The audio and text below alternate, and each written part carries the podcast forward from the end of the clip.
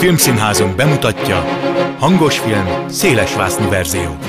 Színes szinkronizált mozimagazin a mikrofon által világosan. Kimaradt jelenetek, extrák, színész táblók hangban.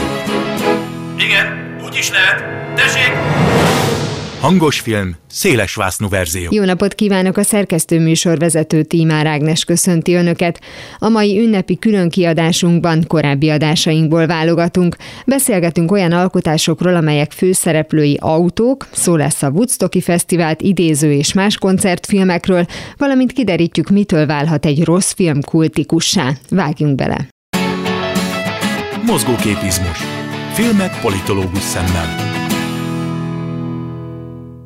A stúdióban itt van velem Pár Ádám, politológus, történész, a Méltányosság Politika Elemző Központ munkatársa. Szia! Szia! Autós filmekről beszélgetünk, de szerintem, ha most ezt mondom, akkor mindenki a halálos iramban sorozatra gondol, de nem arról fogunk beszélgetni, hanem egy picit még vissza is megyünk időbe, mert hogy azért ennek van egy komolyabb történelmi hagyománya, és nem is feltétlenül műfajhoz köthető, ez majd a beszélgetésből ki fog derülni. Most nem azt mondom, hogy a néma film koráig nézzük meg, hogy mikor jelent meg először egy T-Ford modell a, a, a vásznon, de, de mi az első, amit te megemlítenél, hogy olyan jellegzetes autós film? Hát tulajdonképpen valóban a néma film koráig kell elmenni. Az épületekhez hasonlóan az autó autóknak is megvolt az a jó szokásuk, hogy nem nagyon mentek arrébb, legalábbis, hogyha valaki nem ült a, a volánnál. Ugye már az 1900-as években elkezdik őket mozgóképre vinni, sőt, láthatunk már a Néma film korából is baleseteket, de tulajdonképpen 1925-ben készül el az első autóversenyzésről szóló film, úgyhogy mondhatni, hogy eléggé korán a filmforgatókönyvírók és filmrendezők fantáziáját megmozgatta ez a téma. Hát nyilvánvalóan az emberiségnek egy ilyen régi vágya teljesült, hogy egy olyan közlekedési eszköz került az utakra, amelyik ló vontatása nélkül volt képes megmozdulni, és ezért ez egy hálás témát jelentett. Na jó, de azért, mert autó, hát valamit azért csinálni kell vele. Tehát én ezért is mondtam azt, hogy a műfaj az ugye teljesen változatos lehet, vagy azt csinálhatnak hmm. vele, amit akarnak. Hogyha azt mondom, hogy autó, akkor abból mindenkinek, mármint az alkotóknak az jutott az eszébe, hogy az gyorsan megy, az versenyezzen, az akár mondjuk sportfilm legyen, tehát hogy ez volt az első ötlet ezzel kapcsolatban? Nyilvánvalóan többféle műfaj megjelent a legkorábbi időtől az autó szerepet kapott. Az egyik klasszikus az a road movie-nak a hmm. műfaja. Ugye az Egyesült Államokban ez egy nagyon bevett film műfaj, kötődve persze más műfajokhoz, más műfajok elemeivel ötvöződve, például az 1930-as években már az Érika Gyümölcs című filmben ábrázolták az okiknak, az az oklahomai munkanélkülieknek a vonulását Kaliforniába, és hogy az autó miért volt itt jelentős, hát szénás szekérrel, vagy, vagy lovaskocsival, meg autóval is elindultak a tönkrement farmerek Kalifornia irányába, így például a Jode család is, akiknek a kálváriájáról ez a film szól, de az autó még, még abban az értelemben is szimbolikus volt, hogy a válság éveiben például, és ezt le is fotózták, meg mozgófilmre is vitték, összvéreket is befogtak az autó elé, ezt nevezték a korabeli amerikai elnökre hivatkozó Hoover szekérnek. Így hívták azokat a, az autókat, amelyeket tényleg már csak összvérrel tudtak vontatni, mert kifogyott a benzine. Úgyhogy autóval, Hoover szekérrel, mennek az Oki Kalifornia irányába. Tehát egyrészt van a road movie-nak a műfaja, másrészt pedig 1925-től, ahogy említettük, a versenysport ábrázolásában is megjelenik az autó, hiszen már 1895-ben megrendezik az első autóversenyt Franciaországban, úgyhogy ez is egy nagyon divatos téma lesz, és hát persze a rajzfilmek is felfedezik maguknak az autót, illetve a családi filmek. Ez részben összefügg a road movie műfajával is, tehát beül a család az autókájába, és elindul nyugat felé, vagy a nagyvárosból a kertvárosba, vagy valami ismeretlen közeg irányába. Szerintem maradhatunk itt az új világnál, vagy akár mondjuk a fejlett nyugati világnál. A road movie műfajáról már beszéltünk korábban, de ha már említetted a családi filmet, ugye a Disney nagyon korán elkezdte gyártani a maga családi filmjeit, és hát a legklasszikusabb példa ugye Herbie, a kicsi kocsi, meg a kicsi kocsi újraszágút, meg aztán ebből rengeteg film lett, sőt aztán ugye ezt megélte egy, egy reméket, vagy egy rebootot, aminek már Lindsay Lohan volt a főszereplője, tehát hogy még itt is akkor azt mondták, hogy akkor azért, mert autó nem kell, hogy férfiakról szóljon, és akkor ez egy nagyon szép váltás de eredetileg azért ugye egy férfi főszereplője volt. Gyerekeket érdekel ez, vagy tök mindegy, mert hogy van egy kocsi a főszerepbe, aki tök cuki, mert egy bogár az mindig cuki, és akkor innentől kezdve bármilyen történetet mögé lehet rakni. Ugyebár az valóban egy nagyon nagy fejtörést okozott, hogy hogyan lehet az autót azért mégiscsak még csak kedvelté tenni, meg egyáltalán egy hihető történetbe beágyazni. A Herbie-nek a karaktere valóban nagyon népszerű lett a világban, és ahogyan te is említetted, számtalan változatot ért meg, kicsikocsi Monte Carlo-ban és egyéb részeket, de az első Disney által vetített és kocsiról szóló rajzfilm, tehát aminek tényleg egy kocsi volt a főszereplője, a Suzy a kicsi kék autó. Tényleg? Vagy, vagy magyarra úgy fordították, hogy Csöpi a kicsi kék autó, de még Lizinek is láttam egyszer. Én nekem az még mesekönyvben is meg volt. Nekem is, nekem is meg volt mesekönyvben. Azt hiszem a Alice csodaországával egy Igen, egy három kötetben. mese volt egy kötetben, a Walt Disney adta ki azt is, jól van, akkor azonos volt a gyerekkönyvtárunk, jó? Igen, szóval a kicsi kék autó volt az, az első, és ez 1952-ben készült. Most az évszámból persze már gondolhatjuk, hogy ez az időszak az, mikor az Egyesült Államokban a fogyasztói társadalom elkezd kialakulni, és a fogyasztásnak a részét képezte az autó vásárlása is, tehát ebben még egy kis rászocializálást is tetten érhetünk akár, hogy igyekeztek megkedveltetni a gyerekekkel korán az autókat. Arról szól a történet, hogy van egy kicsi kék autó, amelyet megvásárol egy amerikai úriember, egy bizonyos Fred úr, és nagyon örülnek egymásnak. Egyébként nagyon jellegzetesen lányként van ábrázolva Suzy, vagy magyar változatban Csöpi a filmben, és egy idő után egyre betegesebb lesz, tehát ahogy telnek az évek, egyre lerobbantabb lesz. Nyilvánvalóan már köhög a motorja, és akkor Fred úr meg akarja javítatni, de az autószerelő azt mondja, hogy nem érdemes investálni bele pénzt, és adja el, és akkor innentől kezdve Csöpinek kálváriája kezdődik, mert először egy autókereskedőhöz kerül, aki nem szereti a munkáját, és mikor nincsen vevő, akkor csapdossa, meg rugdalja az autókat, aztán szegény csöpit el akarják lopni, minden baj éri, és aztán kiköt végül az autótemetőben, és ott talál rá néhány gyerek, akik megjavítják. Egyébként engem a történetnek a menete, most ez lehet, hogy belemagyarázás, de nagyon emlékeztet a Tamás bátya kunyhója főszereplőjének a sorsára, mert hogy ugye ott is arról van szó, hogy egyre rosszabb meg rosszabb helyzetbe kerül. Egyik történetben a rabszolga, másik történetben az autó, ahogy egyre újabb meg újabb tulajdonosokhoz kerülnek. Nem tudom, hogy direkte, mert az alkotók részéről direkten, de van egyfajta ilyen párhuzam.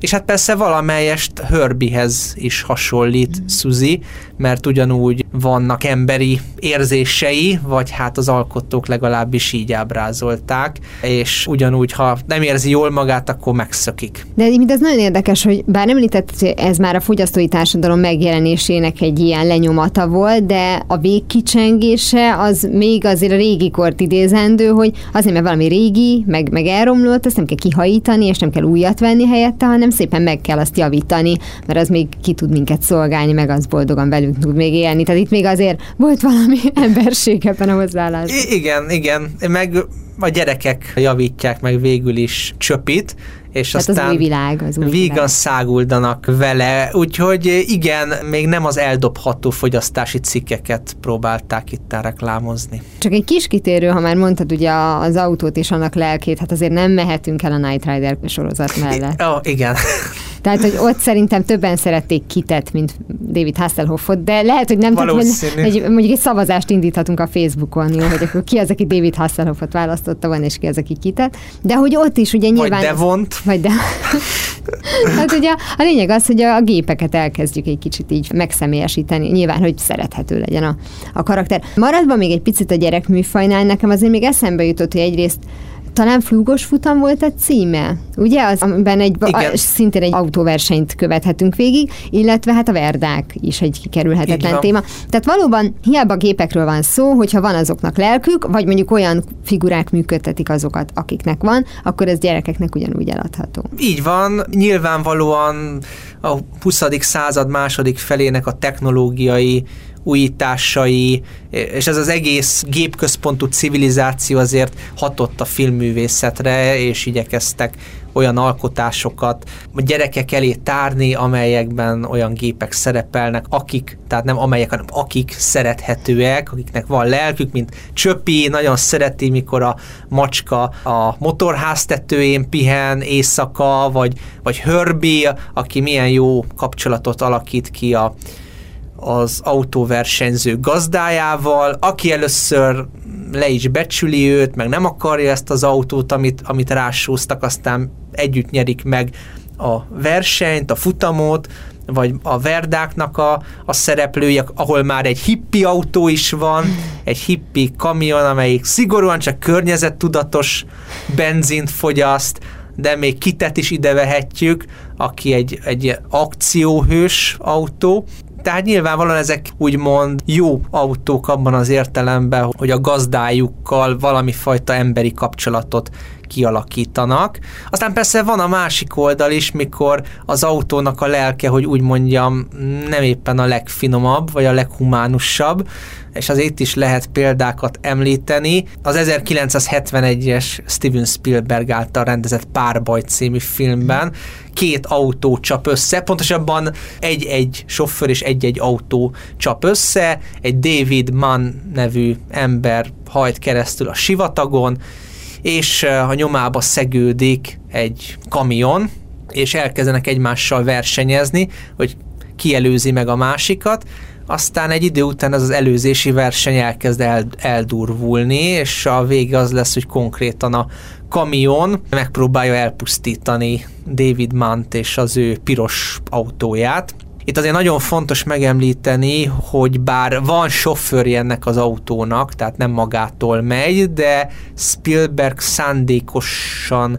igyekezett eh, rejtélyesíteni a kamiont, mert hogy soha nem látjuk a sofőrnek az arcát. Annyit tudunk meg róla, hogy, hogy fehér ember, mert ugye egyszer látjuk a karját, és szándékosan olyan kamion típust választottak, amelynek az eleje az emberi arcra hasonlít, hogy ezáltal félelmetesebbé tegyék. Azóta is a filmkritikusok szétszincálták ezt a filmet, hogy mit jelenthet a két főszereplő, meg a két autó. Ugyebár a 70-es években vagyunk, és lehet gondolni az amerikai politikára is, hogy van a David Mann, a kis piros autóban közlekedő középosztálybeli átlag amerikai, és akkor van a nagy böhöm kamion, amelyik az amerikai munkásosztályt jelképezi, de voltak olyan értelmezések is, hogy, hogy gyakorlatilag a David Mann ő egy liberálisabb figura, tehát aki a liberalizmust jelképezi, most, most amerikai értelemben mondom, és a kamion pedig a, hát mondjuk úgy, hogy a 68-ra reagáló ellenforradalmat ö, jelképezi, aztán volt feminista olvasata is az autó és a kamion csatájának, kiindulva abból, hogy mint piroska David Mann autója is piros, egy ilyen kis nőies piros autó, és akkor ez irritálja a nagyon agresszív, kemény kamionost, hogy egy ilyen kis autó megpróbálja őt megelőzni.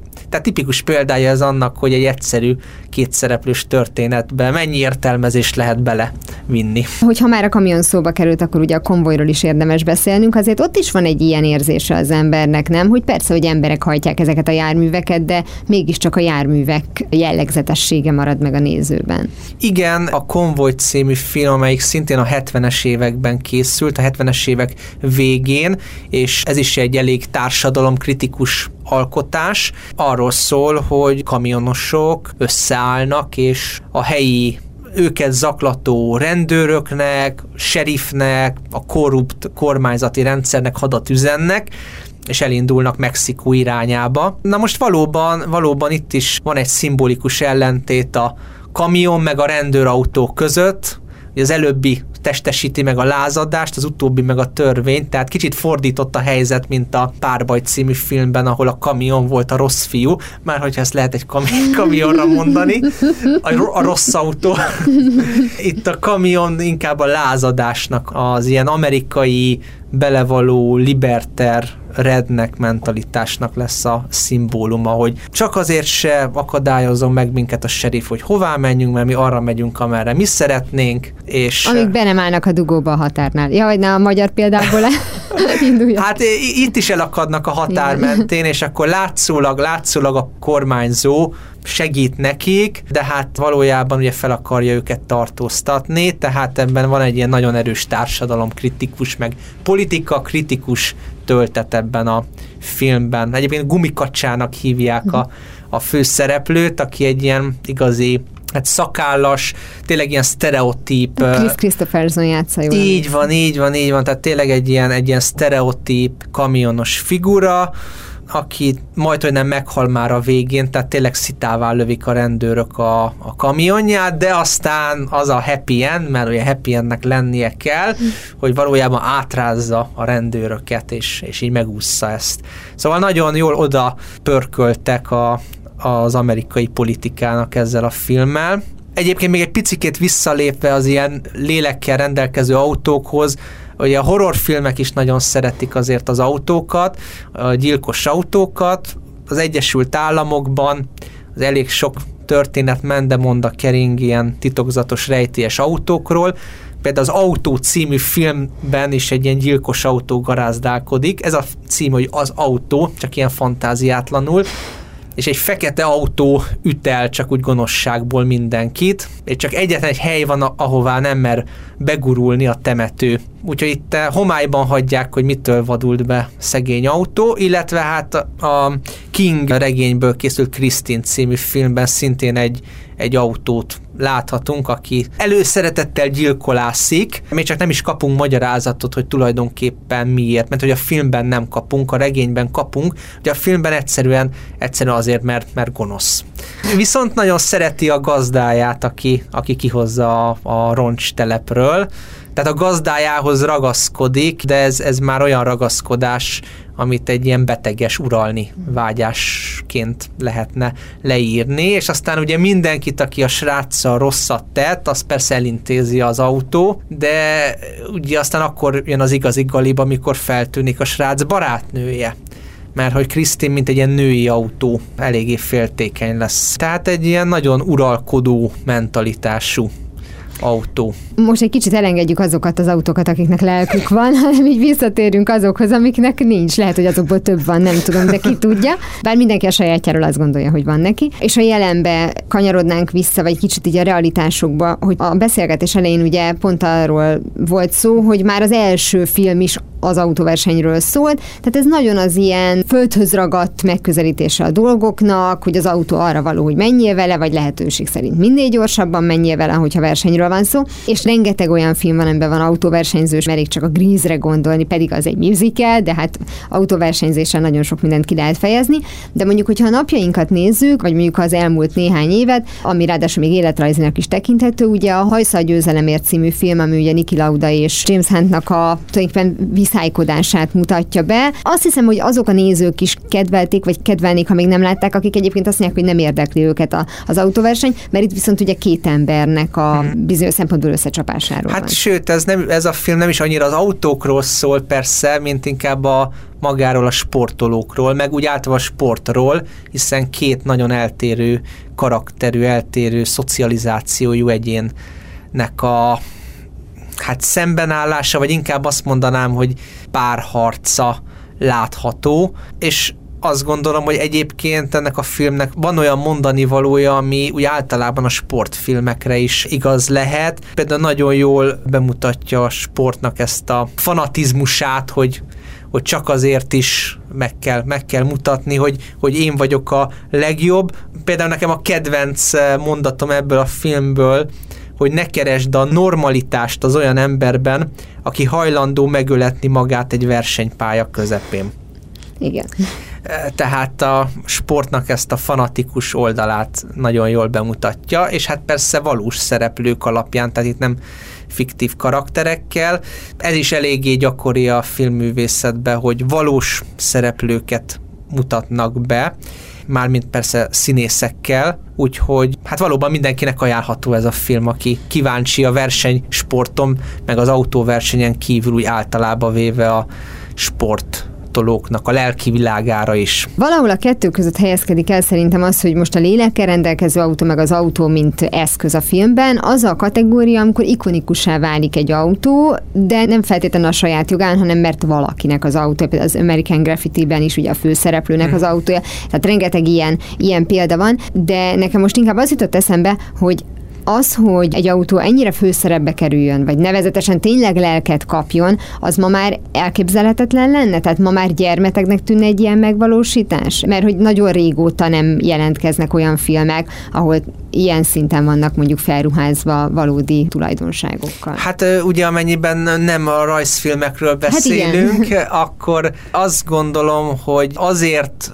nehezen megvalósítható egy ilyen film, nem a gyermetegség vagy nem gyermetegség miatt, hanem azért, mert a tudomány meg a technológia egyre újabb, meg újabb jelenségekkel kápráztat el bennünket, és ma holnap már tényleg a önműködő autó is elképzelhető lesz, úgyhogy nagyon nehéz a filmrendezőknek lépést tartaniuk a technológiai változásokkal, mert például annak idején mi is a ahogyan nem említetted, a Night Rider-en halára nevettük magunkat, amikor David Hasselhoff kiugorva az autóból elhadarta az órája fölé hajolva azt, hogy kit, most menjél oda, aztán gyere ide, vegyél fel, aztán dobjál ki itt és amott. És, Tök menő volt, És kit áll. pedig géphangon mondta, hogy oké, okay, Michael. Tehát ezen mindenki nevetett, és most meg már lassan tényleg megvalósul. Hát ha csak azt mondjuk, Okos hogy a... órával irányítod az autódat. Így van, de ha csak azt mondjuk, hogy a, hogy a GPS is beszél hozzád,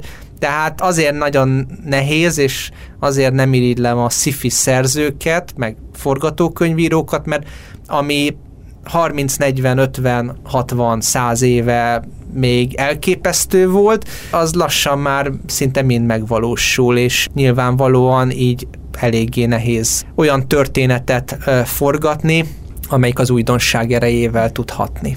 Hát valószínűleg azért választják most inkább a valós történeteket, beugrott mint a címe, az Aszfalt királyai volt a tavalyi Oscaron a legjobb kilencben Christian bale és Matt Damonnal, és tényleg az is egy olyan típusú film volt, mint a hajszal győzelemért, hogy nem kellett szeretned az autóversenyzést, elég, hogyha mondjuk a történelem iránt érdeklődtél, akkor már érdekes volt a dolog. Úgyhogy valószínűleg a hiperrealizmus lesz akkor a, a jövő, pont azért, mert félnek, hogy mire moziba kerül a film, addigra leelőzi őket technológia.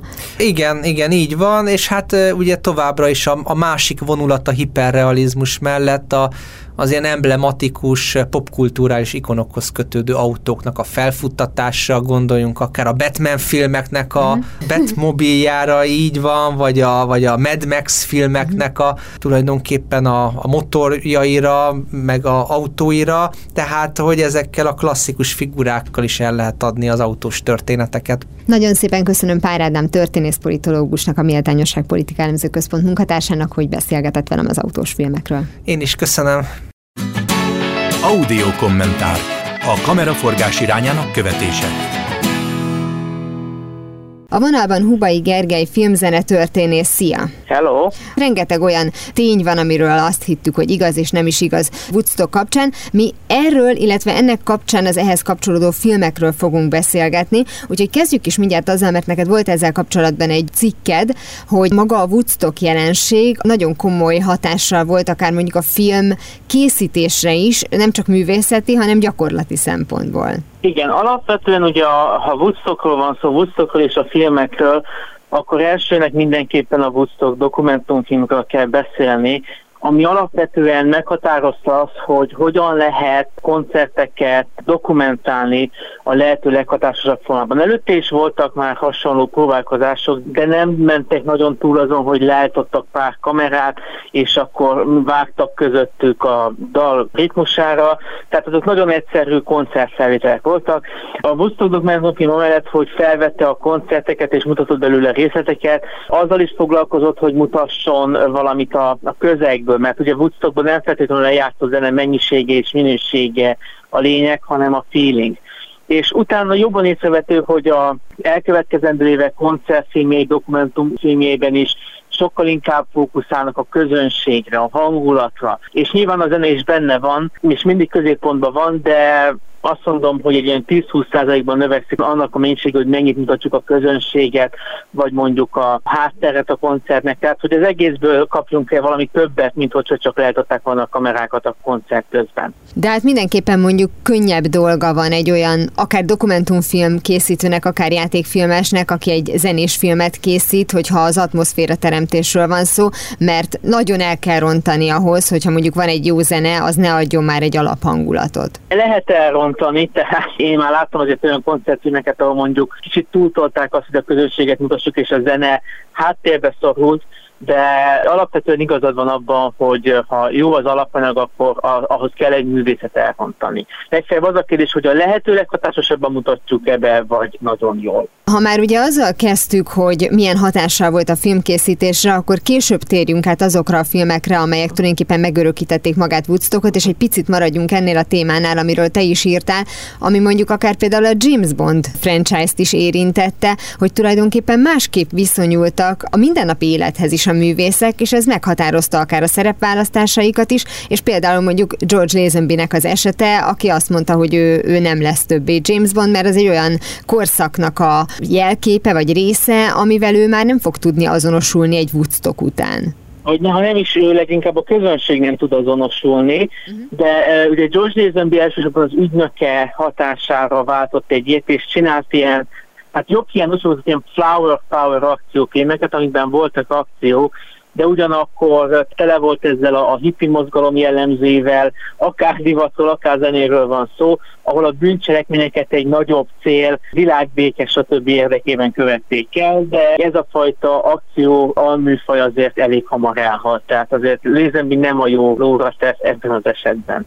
Egyébként az ő példája az egy kirívó eset, vagy azért több olyan művész volt, aki például ennek a popkulturális változásnak a hatására változtatott az imidzsén, és kezdett el mondjuk más irányba menni? Akár a másik irányba is lehet nézni, mondjuk egy Clint Eastwood, aki mondjuk egy ilyen Woodstock után kezdett el átalakulni a western hősből piszkos Harryvé. Tehát volt ennek egy másik nézőpontja is, hogy Amerika konzervatívabb fele azért rettegettettől a mosdatlan hippi hasztól. Utólag tekintve talán erősebb azoknak a művészeknek a vonulata, akik egy konzervatívabb fordulatot vettek, és nem feltétlenül értettek egyet a teljes szabadsággal és a teljes szerelemmel. Sokkal több olyan akciófilm jelent meg, amikben pozitív vagy pozitívabb karakterek tűntek a kemény zsaruk, akik oda csapnak ezeknek a fiatal hurigánoknak. Mondjuk ezzel megleptél engem, tehát egy demokrata Hollywood esetében pont azt gondolnám, hogy inkább elkezdünk valami kultuszt építeni már a maga korában a, a Woodstock nemzedéknek. Ugye egy fontos dolog, hogy a demokrata Hollywood mitosza, nyilván vannak filmesek, de ezek a 70-es évekbeli kemény akciófilmjei,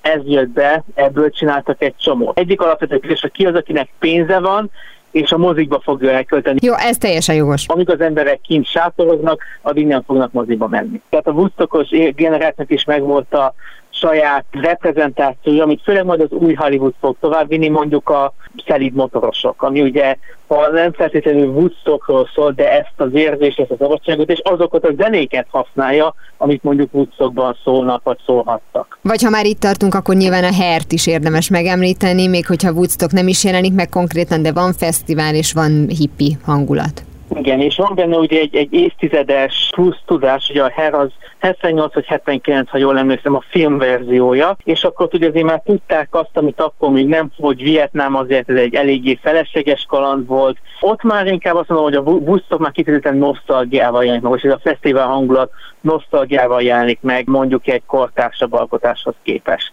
Térjünk át azokra a filmekre, amelyek kifejezetten mondjuk Woodstockkal, vagy legalábbis a, a zene iránti imádat, a fesztiválozás, a koncertezés iránti imádatot állítják a középpontba. Nekem mondjuk így kapásból a Woodstock a kertembe jutott az eszembe, mert hogy ugyan fikciós alapokkal, de mégiscsak egy korrajz volt ez Englitől. Hát azért elég sok valós történet is van, tehát ugye ez az egész, hogy a Woodstock koncert hogy kezdődött, kik szervezték és hol szervezték, és hogy ez hogyan hatott arra a közegre, ahol ezt megszervezték, az egész szerintem amennyire Hollywood közel menne a valósághoz, elég jól megoldották. Tehát ezek a vonakodó farmerok, a kiborult kisvárosi közösség, ezek szerintem egész jól megjelentek. Plusz ezek a teljesen felkészületlen szervezők, akik igazából sikerült veszteségesen kihozni egy Woodstock méretű fesztivált, azért tehát e- első körben Woodstock veszteséges volt, mert ugye nagyjából ledöltek a kerítések, az emberek bementek ingyen, vagy jegy nélkül, és a Woodstocki szervezés igazából később a koncertfelvételek, illetve a dokumentumfilm révén fordították nyereségesi évekkel később a fesztivált. Az a káosz, amit látunk a Woodstock a kertemben, az elég reális. És egyébként például annak a filmnek, vagy az ilyen típusú filmeknek, ha mondjuk pont Woodstockot akarja ábrázolni, akkor mennyire célja az, hogy bemutasson valamit történelmileg helyesen, vagy pedig ugyanazt az atmoszférát próbálja előcsalogatni, amit mondjuk egy Woodstock dokumentumfilm vagy koncertfilm? Mindenképpen szerintem az atmoszféra fontosabb, ugyanis hogyha Woodstockból egy százszázalékosan akarnánk feldolgozni, hogy mi volt és hogy készült, az lehet, hogy a célközönségnek eidegenítő lenne, hogyha látnák, hogy mennyire rosszul volt megszervezve, mennyire nem voltak felkészülve, mennyire párhajszálom volt, hogy itt-ott nem lesz tragédia az egészből. Mi az, ami kifejezetten Woodstocknak állít emléket, már mint hogy milyen film? Nekem nem jutott eszembe más már, mint hogy játékfilm. Ez az én hiányosságom, vagy tényleg nem dolgozták föl ilyen módon? Amikor mondtad a témát, akkor nekem egyből a magyar címe nem fog eszembe jutni, az Almost Famous, majdnem, a, majdnem híres. híres. Mhm. Ami szerintem még jobban visszaadja bármi másnál, ez a zeneimádat, amikor a zene karrier lehetett, szabadság lehetett, és nem csak a zene, hanem akár a zenéről írni. Az a film a nyilvánvaló kitalált karakterek ellenére abszolút visszaadja. Néha túlságosan is egy legendás történet, hogy a rendező Cameron Crowe ugye akart egy olyan jelentet, amiben a fiú megmutatja az anyjának, hogy mi ez a zene és odaadja neki a Stairway to heaven a Led Zeppelin-től és az anyuka meghallgatja, és az egész jelent annyi, hogy a nő hallgatja a zenét, és egyre inkább átadja magát, és ez 8 percig tehát nem vágtak a dalon, ugye az egy elég hosszú dal, és végül az egész jelentet kivágták a filmből, és állítólag nem feltétlenül azért, mert túl hosszú volt, hanem mert elég drága lett volna az egész dalt lejátszani, tehát az elvitte volna a zenébüdzsé egy komoly részét 8 percet Zeppelin. Egyébként nagyon érdekesen, majdnem híres említve, hogy ugye ott ráadásul meg is jelenik már tulajdonképpen a történet folytatása, hogy mi van akkor, hogyha meghal a rock Hát ugye a rock'n'roll azért már többször meghalt, ugye vannak bizonyos napok, amiket kiszoktak tűzni a rock halálának. A rock magában nem hal meg, csak átalakul. És mindenkinek más jelent a rock. A rock minden generációnak meghal, valamikor nyilván vannak örök rockerek. Philip Seymour Hoffman játszotta azt a karaktert, aki pontosan amiatt sírdogál ugye a fiatal srácnak, hogy tulajdonképpen ennek a korszaknak, a hippi korszaknak, mint olyannak leáldozott, és hogy most már igazából csak a, a morzsákat szedeg összegetjük össze. Tehát lehet, hogy készülnek jó dalok, meg, meg jó zenék, de hogy az az életérzés, amit akár mondjuk Woodstock képviselt, és ezáltal, amiben szerelmes volt Cameron Crowe is, és elkezdett erről újságíróként írni, annak vége. Tehát, hogy azt a 70-es évek első felében játszódik a történet, annak akkor már vége. Igen. Sajnos ezekben a mozgalmakban bele van kódolva ez a limitált élettartam. Tehát amíg non-profiton ki lehet húzni, addig működik az igazi, és utána jön a pénz, és akkor az ugye átveszi a tempót, ők fogják diktálni, és akkor már, akkor már lehet sírogani, hogy ez nem az igazi. Nagyon szépen köszönöm Hubai Gergely filmzene történésznek, hogy mindezt elmondta nekem. Audio kommentár. A kameraforgás irányának követése. A vonalban Szőlőskei Gábor filmes szakújságíró, a Vox mozi magazin főszerkesztő helyettese. Szia! Szia! Vannak azért olyan filmek, amik annyira rosszak, hogy már jók, vagy valamiért kultikussá váltak, és nem feltétlenül azért, mert mondjuk filmesztétikai szempontból arra érdemesek, és ezért a Xenedő a kiindulási pont. De hát rengeteg ilyen példa van. De kezdjük mindjárt magával a jelenséggel, hogy miért tudunk, akár mondjuk utólag megszeretni olyan filmeket, amik, hát ha egyszerűen szólva tényleg, hogyha megvizsgálnánk, akkor nem működnének filmként. Igen, azért erre számos példa van, illetve hát mindenki tegye a szívére a kezét, és szerintem mindenkinél van olyan film, amit tudja jól róla, hogy tiki, hogy rossz, de valamiért ő mégis szereti.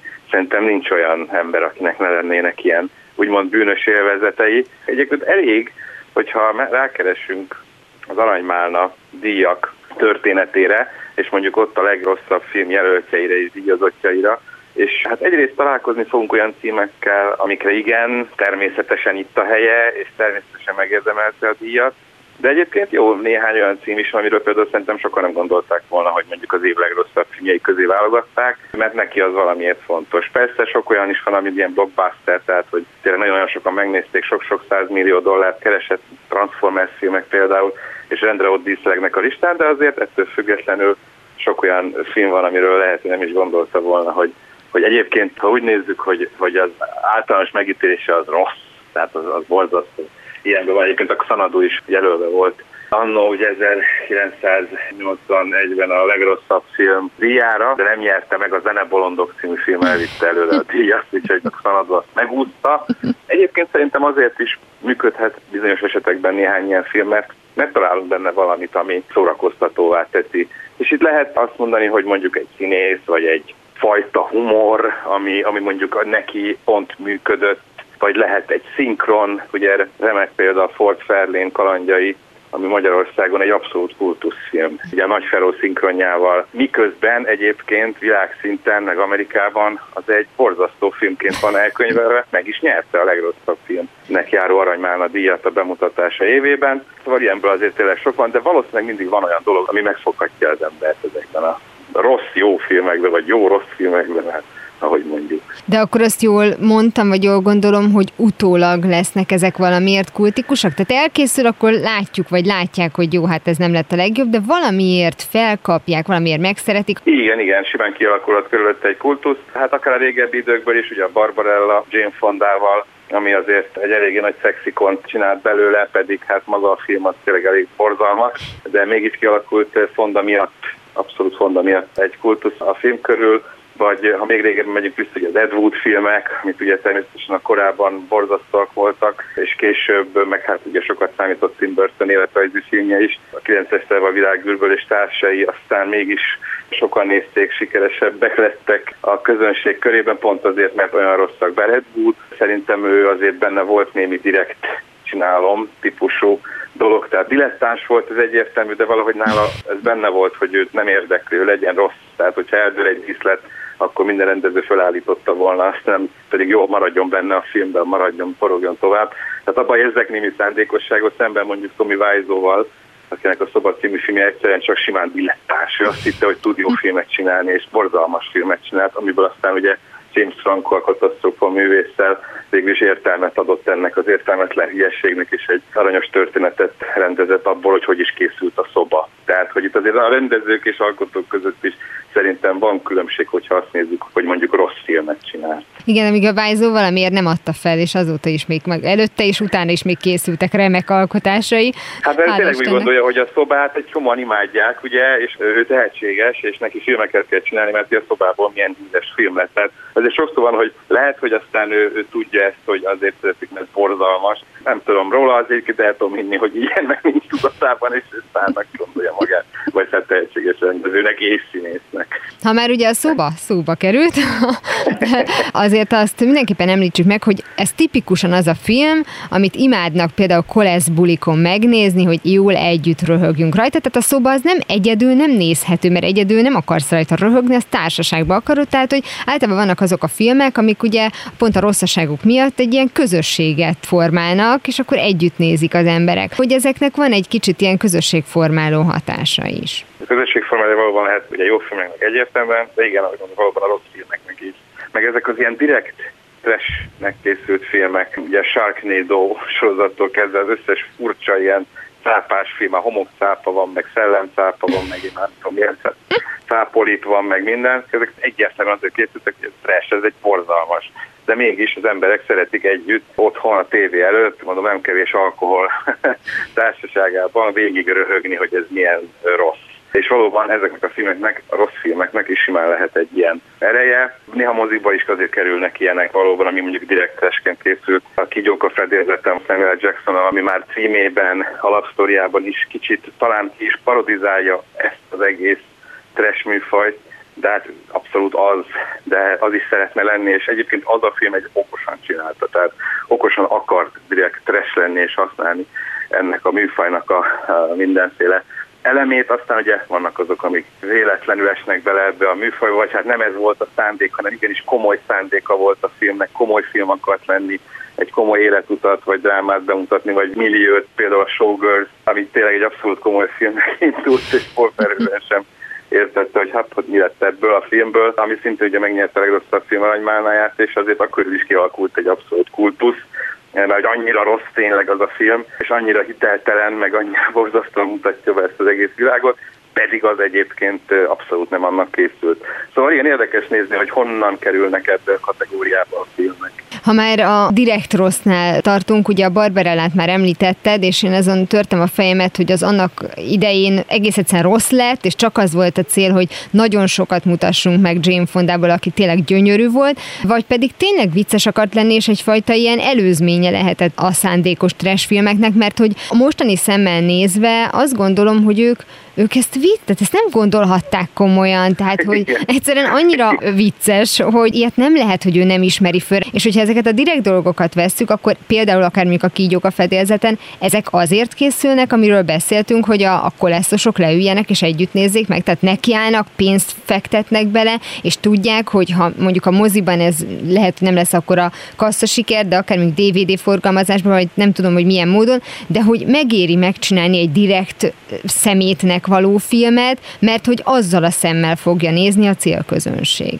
Hát vagy így, igen, vagy ezzel a szemmel fogja nézni, vagy pedig pont emiatt tűnik ki a, a nagy átlagból. Ugye ez sok művészet, sok területén azért elhangzik, hogyha vagy bármi területén, hogyha nem tudunk kiemelkedő jót csinálni, akkor csináljunk kiemelkedő rosszat, mert azzal figyelmet kelthetünk és kitűnhetünk a, a nagy átlagból. Tehát ezért szerintem sokan követik ezt a filozófiát, akár a filmművészetben is. Nem tudom, hogy a Barbarella alkotóinál is ez volt a szándék, de igen, valóban azt nem gondolhatták komolyan már akkor sem. Tehát jó, akkoriban természetesen még már kicsit másfajta szellembe készültek a science fiction is, na, de azért akkor is volt már előzménye ennek a műfajnak, amiben komolyabb filmek születhettek, tehát azt nem lehet a Barbarella mentségére mondani, hogy hát régi és akkoriban még ez nem számít, de hogy nem bőven ciki volt akkor is, meg hát valóban nem gondolták komolyan, úgyhogy simán el tudom képzelni, hogy ugye ez volt az egy koncepció, és ezzel próbáltak kitűnni egy kicsit, és és hát úgy néz ki, hogy sikerült, ugye, tehát beszélünk róla ennyi év után is, túlsz ezekről a filmekről, amiket most esetleg itt emlegettünk. Sokan úgy tartják, hogy az a legrosszabb, hogyha egy film unalmas semmilyen, mert azt elfelejtik az emberek, és nem beszélnek róla, és, és tényleg így a feledés homályába vész, míg az igazán jó és igazán rossz filmekről pedig pedig még évek, évtizedek múlva is tudunk beszélgetni. Azt lehet mondani, hogy mondjuk ez a nagyon rossz, vagy kifejezetten trash film, ez valamilyen műfajt vonz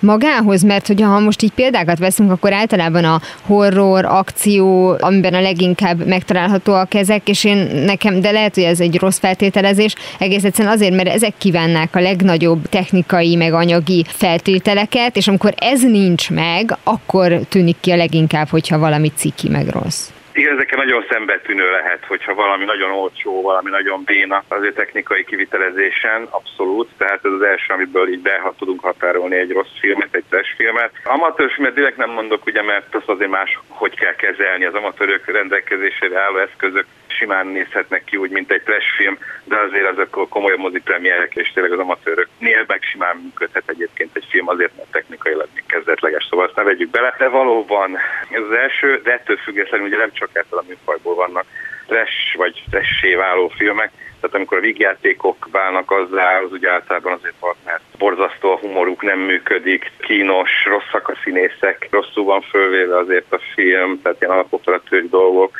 tehát az ilyenből is van jó pár, akár Zajmánál is több vígjáték tudott már győzedelmeskedni az eszement Redditől kezdve a Surviving Christmas, amik tényleg ilyen viccesnek akartak tűnni, de, de amúgy csak pusztustalanok, ízléstelenek és humortalanok voltak, és ezek inkább elsikadtak de hát ha többségében nézzük, akkor a rossz filmek, a tessének azok pont azzal, azzal válnak hozzá, hogy valami nagyszabások akarnak lenni, mint a több száz millió dolláros hollywoodi blockbusterek olyan látványvilágot akar képzelni el, mint a bosszúállók, és erre kapunk előtt, mint a nem tudom, Sharknado egyébként, ami meg már még a testfilmek között egyébként színvonalasabb technikai számít, de természetesen az is még így is borzasztó. De ott van a Birdemic cím epos, amit azért sokan nem ismerek, nem véletlenül, amiben borzasztó számítógép által generált madarakat váltával csapkodnak a, a főszereplők, és az ilyen elég híres mém lett az interneten. Tehát, hogy az ilyenek, igen, ez a legmélyebb. De, de valahol kétségtelen, hogy ott van a szórakoztató faktor bennük. Pár éve valami óriás cápás film volt, de volt valami neve ennek az óriás cápának, egy ilyen rövid. Ez a meg, az Az, az, meg az ős cápa, az, az, az, az. Hogy az, az például egész egyszerűen csak a műfaj elvárásainak megfelelően készült, vagy az például ilyen trash film, direkt trash film, vagy csak én nem szeretem az ilyen filmeket. Igen, az egy ilyen színvonalasabb trash film, egyébként regényből készült, tehát nem is az, hogy na most akkor csinálunk egy 26. óriásztápás filmet, a Meget konkrétan már 20 éve el akarták készíteni, 90-es években kiadott regényben már akkor lecsaptak, és már 90-es évek végén jött a hír, hogy Hollywoodból, hogy akkor lesz megfilm, Jan de Bont rendezte volna akkoriban a Twister, meg a féktelenül rendezője, aztán nem jött össze, és ilyen sokáig ültek rajta, amíg végül kijött, és egy nagy sikerfilm lett belőle Jason statham de egyébként, hogyha tényleg egy kategórián belül nézzük, akkor és a testfilmek kategórián belül egy óriás cápásnak sok készült, ugye a Megalodon, tehát valóban élt régebben élt őskori élőlény, amit ugye visszahoznak, de hát végül a Jurassic Park is erről szól, csak ez most cápával valóban. De a trash keretein belül egyébként színvonalasabb volt technikailag is, sztárok között is, tehát az ismertebb színészek voltak benne, és hát a saját módján egyébként tudott működni. Jó, hát tényleg nem volt életünk filmje egyáltalán, de, de ha azt nézzük, hogy akkor egy színvonalasabb test néző, mint a kígyók a fedélzetem, vagy a meg az őscápa, néha ilyen is bejön a mozikban, és tudnak sikert is adni, ha kell. Az mitől lehet, és most eszembe jutott a Star Wars és a Star Trek sorozat, hogy ha mondjuk ezeket a filmeket, illetve sorozatokat nézzük meg, akkor mondjuk egyesével, tehát megnézed az új reményt, akkor lehet egy filmesztéta azt mondja, hogy jó, hát akkor itt most soroljuk fel a problémákat, de közben meg ezek úgy váltak kultikussá, hogy nem azt mondod, hogy azért mert olyan rossz, hát nagyon jó a Star Wars, meg nyilván aki szereti a Star Trek-et, annak meg az a nagyon jó, de ha mostani szemmel megnézed a Star Treknek a, az uniformisait, meg a, az egyébként humanoid idegen lényeket, akiknek csak hosszúkás a füle, tehát hogy ez önmagában vicces, hogy azt gondolod, hogy még ha J.J. Abrams csinál is hozzá egy jó sztorit, első blikra azt mondod, hogy hát nem lehet olyan jó sztorit csinálni, hogy ez ne legyen ránézésre akkor is vicces, hogy akkor ezek, ezek mégis mitől működnek, amiatt, hogy már olyan évtizedes múltjuk van? Ez nem a divat, szerintem ez ennyi. Tehát a régi ruha, a régi divat az ciki ma már. A, a régi szellemiség ma már ciki. Változik a világ, és ami akkor menő volt, ma már eh, ugye úgy néznek rá a fiatalabbak. De egyébként ugye a Star Wars például akár a jelmezei, ugye ez is sok technikai oszkárt kapott, például a jelmezek is, pedig hát akkor is már elég furcsának gondolták őket.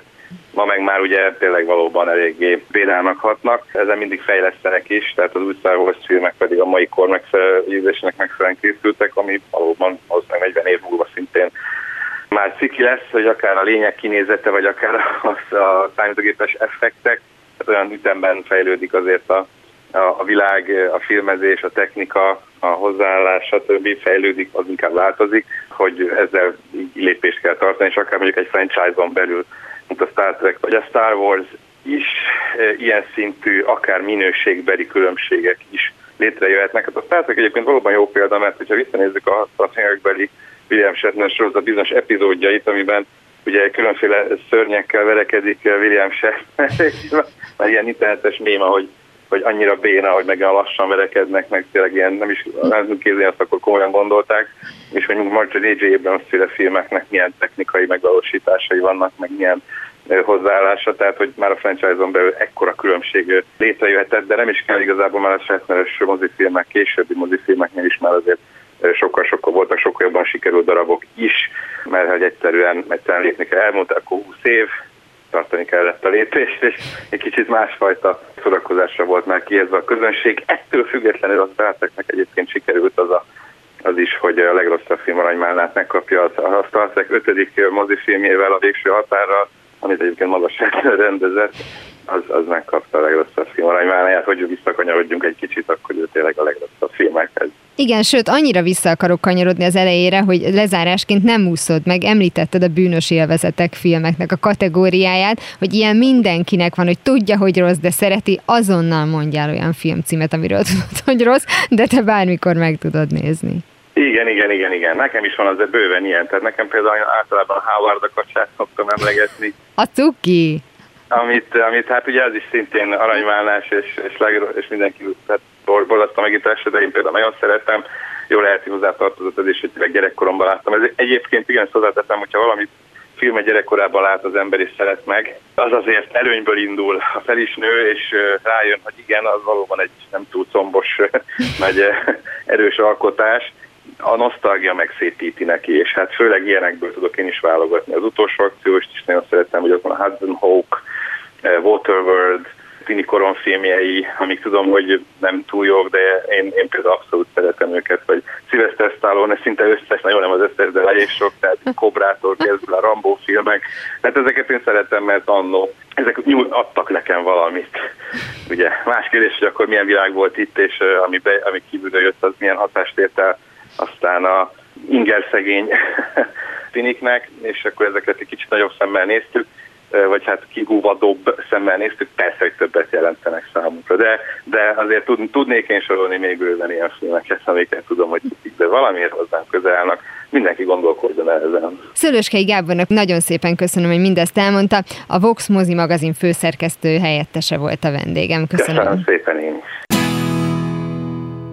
Ez volt már a hangos film széles vásznú verzió. Legközelebb a megszokott időben szombaton délután fél kettőtől várom önöket. Természetesen a korábbi adásokat, ahogy a mait is hamarosan megtalálják archívumunkban, valamint podcastként. Kövessenek minket a Facebookon, és ha még nem tették, iratkozzanak fel YouTube csatornánkra. Köszönöm a figyelmüket, a szerkesztő műsorvezetőt Tímár Ágnest hallották. Viszont hallásra! Hangos film, széles vásznú verzió.